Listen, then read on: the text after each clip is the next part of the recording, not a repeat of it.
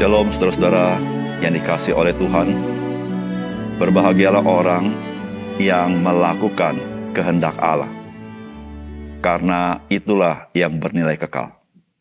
Dan tidak ada seorang pun yang mampu menentang Tuhan. Karena rencana Tuhan pasti terjadi. Oleh karena itu, marilah kita menjadi orang bijaksana. Jangan sampai kita gagal masuk dalam rencana Tuhan tapi kita menjadi orang-orang bijaksana. Hidup di dalam rencananya. Dan itulah kehidupan yang bernilai.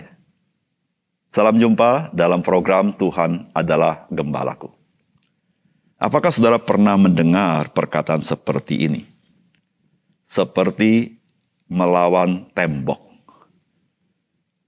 Saudara pernah mengalami kehidupan yang seperti melawan tembok, yang artinya apa pun yang kita lakukan tidak ada gunanya. Pasti sia-sia. Kita tidak pernah bisa menang. Saudara demikianlah orang yang mau melawan Tuhan Allah. Saudara bagi Tuhan tidak ada begitu sulit untuk membalikkannya. Sehingga membuat perbuatan-perbuatan dan niat mereka menjadi sia-sia. Karena saudara tidak ada seorang pun yang dapat menggagalkan rancangan dan rencana Tuhan. Apalagi Tuhan sudah mengatakannya, tertulis dalam kitab suci. Karena firman Tuhan yang keluar dari mulut Allah tidak akan kembali dengan sia-sia. Dan saudara itu kita bisa menyaksikan bagaimana Yesus Kristus menggenapkan rencana Allah. Saudara mari kita membaca firman Tuhan dari Yohanes pasal 13 ayat 31 sampai 35. Sesudah Yudas pergi, berkatalah Yesus, sekarang anak manusia dipermuliakan dan Bapa dipermuliakan di dalam dia. Jikalau Allah dipermuliakan di dalam dia, Allah akan mempermuliakan dia juga di dalam dirinya.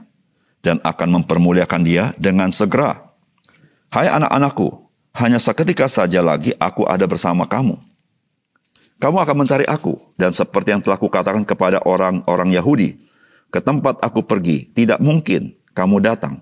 Demikian juga aku mengatakannya sekarang juga kepada kamu. Aku memberikan perintah baru kepada kamu, yaitu supaya kamu saling mengasihi, sama seperti aku telah mengasihi kamu, demikian pula kamu harus saling mengasihi. Dengan demikian semua orang akan tahu bahwa kamu adalah murid-muridku, yaitu jikalau kamu saling mengasihi. Saudara yang dikasih oleh Tuhan, bagian firman Tuhan ini dapat membuat kita terheran-heran. Mengapa demikian? Karena Yudas Iskariot sedang proses melaksanakan pengkhianatannya. Dan dia pun tidak tahu bagaimana hasil akhirnya. Tetapi Tuhan Yesus, dia sudah menyatakan bahwa dia akan dimuliakan dan Allah dimuliakan di dalam dia.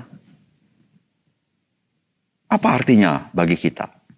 Artinya adalah peristiwa kayu salib adalah rencana Allah untuk menyatakan kemuliaan Yesus Kristus.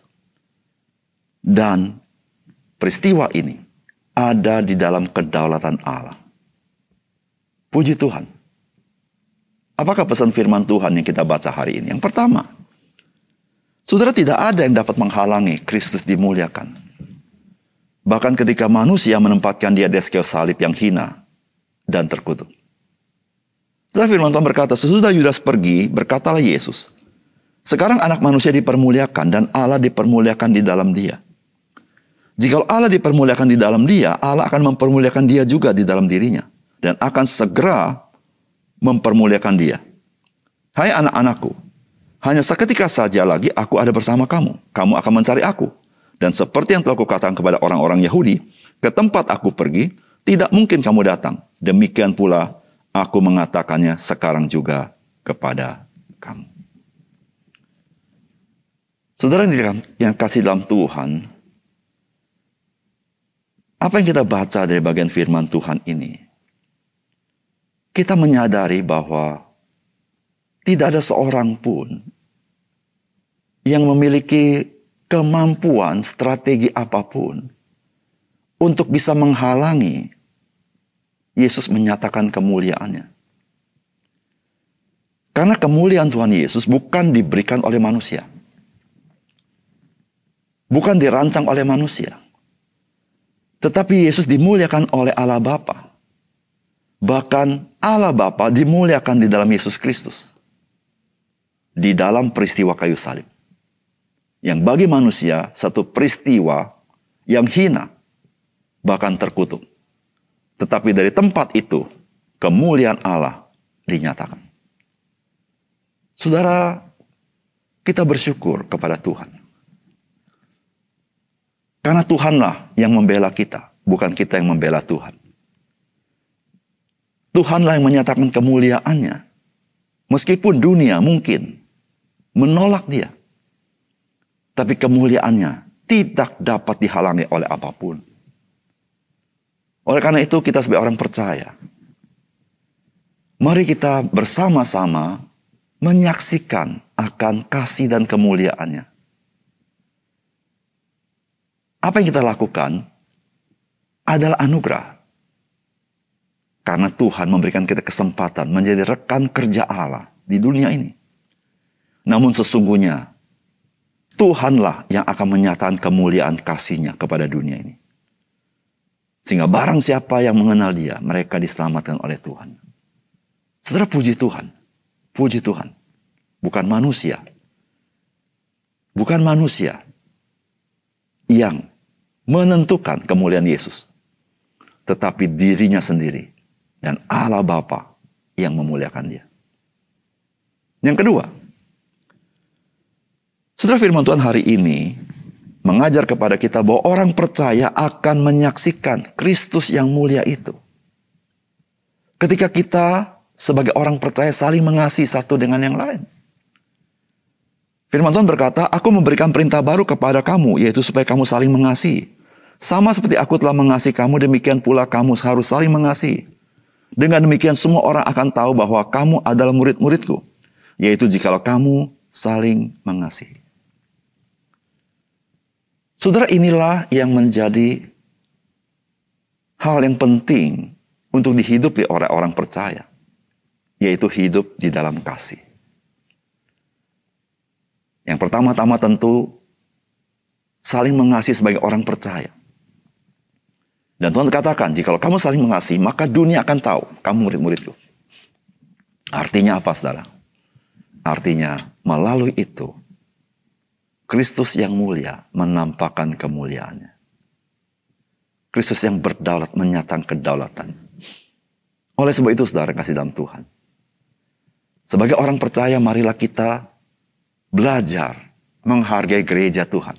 Menghargai persekutuan di antara orang percaya. Mengapa kita menghargai? Karena melaluinya kita memuliakan Yesus Kristus. Tapi sesungguhnya Kristuslah yang menyatakan kemuliaannya ketika kita hidup di dalam kasih. Saudara yang kasih dalam Tuhan, yang dunia perlu lihat adalah kasih Tuhan. Karena dunia membutuhkan kasih Tuhan. Oleh karena itu, orang percaya, mari ekspresikan kasih Tuhan. Melalui kehidupan saling mengasihi sebagai orang percaya. Dan Kristus, dia akan menyatakan kemuliaan di tengah-tengah dunia ini. Mari kita berdoa. Bapak surga terima kasih karena Tuhanlah yang berdaulat atas segala sesuatu. Kami berterima kasih kemuliaanmu tidak tergantung oleh manusia. Tapi kemuliaanmu adalah pada dirimu sendiri. Bahkan Allah Bapa mempermuliakan engkau. Bahkan engkau mempermuliakan Allah Bapa. Melalui peristiwa yang begitu hina. Begitu terkutuk. Tetapi melaluinya engkau menang atas maut. Ya Tuhan terima kasih. Tuhan kami bersyukur. Kami si orang percaya, kami diberikan hak istimewa untuk menyatakan Kristus melalui kehidupan saling mengasihi. Tuhan bantu kami di tengah dunia yang penuh kebencian, saling mengancam, saling menjelekkan. Tapi kami sebagai umat Tuhan hidup di dalam kasih. Karena bukan kekuatan kami untuk menyatakan kemuliaan Tuhan, tapi Tuhan sendirilah yang berdaulat menyatakan kemuliaan. Terima kasih Tuhan. Dalam nama Tuhan Yesus kami berdoa. Amin.